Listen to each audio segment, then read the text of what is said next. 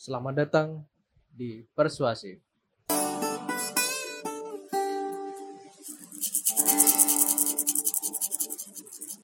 Halo pendengar, bagaimana kabar kalian?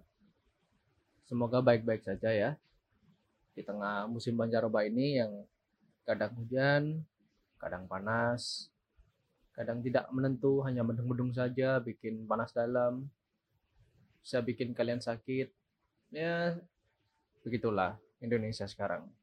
Atau bumi kita ini yang mulai makin tidak jelas ke mana arahnya.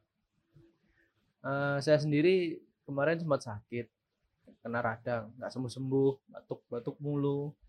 Ya, tapi bisa saya akalin lah, minum obat, tidur dengan cukup, makan buah, makan apa itu.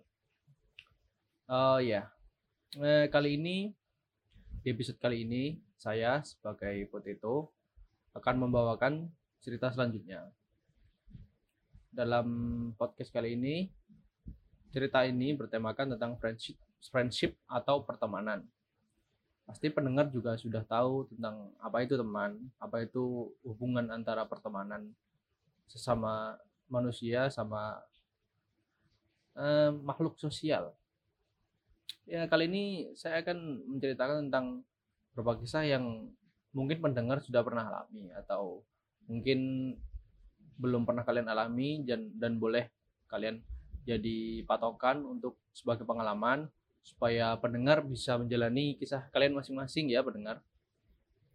Ya, walau sebenarnya dalam tema kali ini saya sendiri tidak memiliki banyak uh, pengalaman atau tidak memiliki banyak teman sebenarnya karena ya saya ini seorang introvert ya.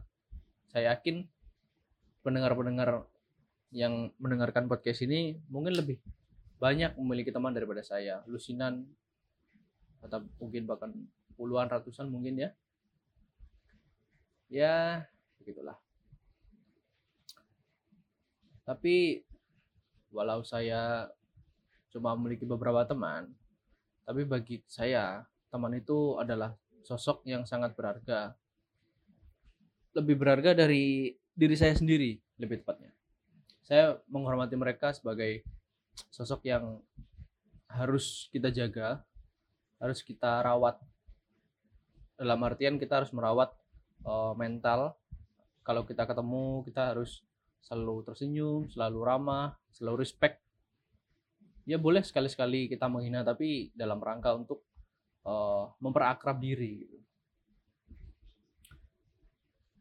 Nah, dalam kali ini saya akan bercerita tentang teman tapi sebenarnya teman dalam salah dalam artian lain dalam pandangan lain menurut saya teman itu tidak harus seseorang atau wujud manusia.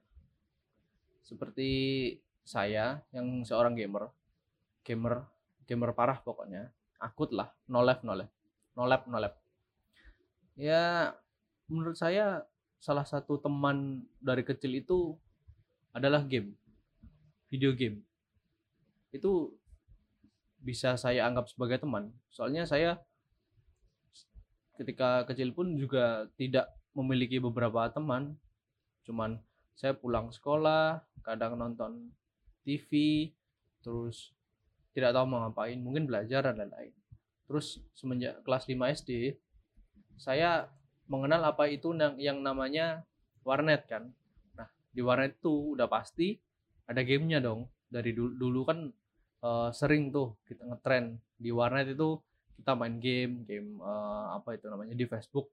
Saya lupa namanya. Uh, salahnya mungkin Dragon City atau Ninja Saga atau apa pun lah itu. Tapi saya menganggapnya game-game itu menganggap, menganggap mereka adalah sebuah teman.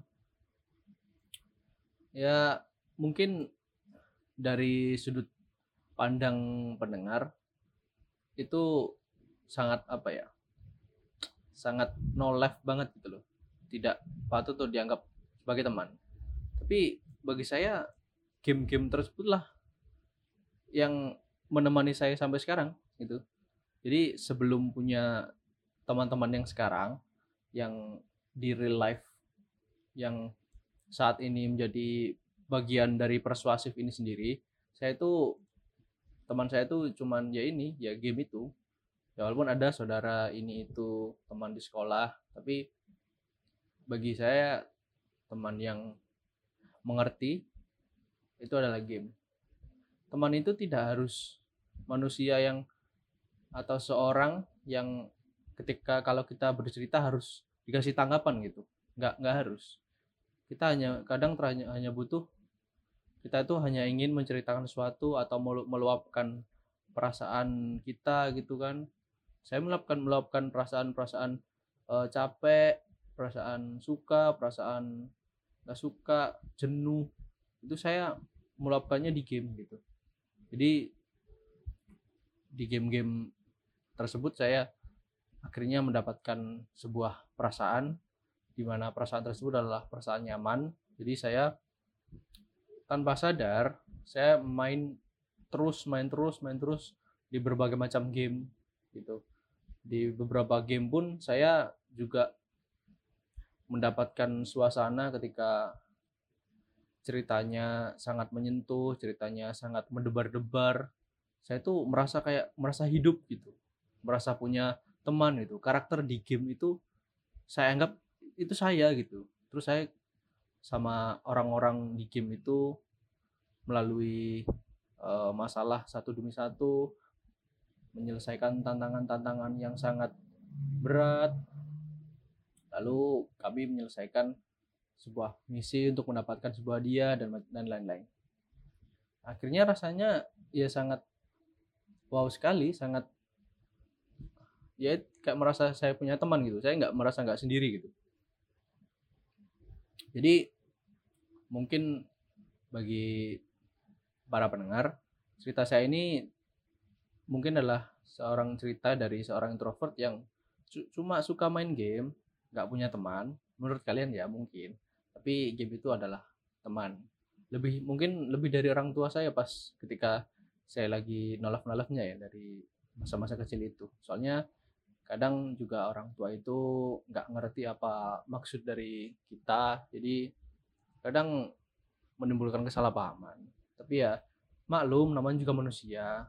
Tapi ya begitulah manusia. Dan begitulah teman. Tapi lah kalau teman sungguhnya itu itu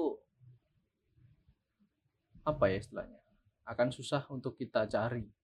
Soalnya teman yang sungguhnya itu sebenarnya kita tidak harus mencari teman. Dan teman itu tidak harus nyata. Teman tidak akan teman itu tidak harus dicari. Teman itu tidak harus nyata. Dan teman itu akan selalu buka hati untuk menemanimu.